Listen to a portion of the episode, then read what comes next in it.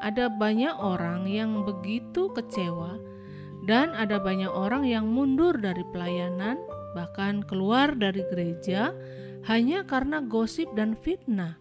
Bahkan ada banyak rumah tangga yang hancur, hubungan antara orang tua dan anak bisa hancur karena gosip dan fitnah. Kita melihat dalam ayat bacaan kita hari ini, di mana Paulus sedang menekankan bahwa hati-hati dengan omongan yang sia-sia. Dan Paulus lewat surat ini mau meyakinkan serta membuka pikiran Titus agar Titus mengerti bagaimana menghadapi omongan yang sia-sia ini.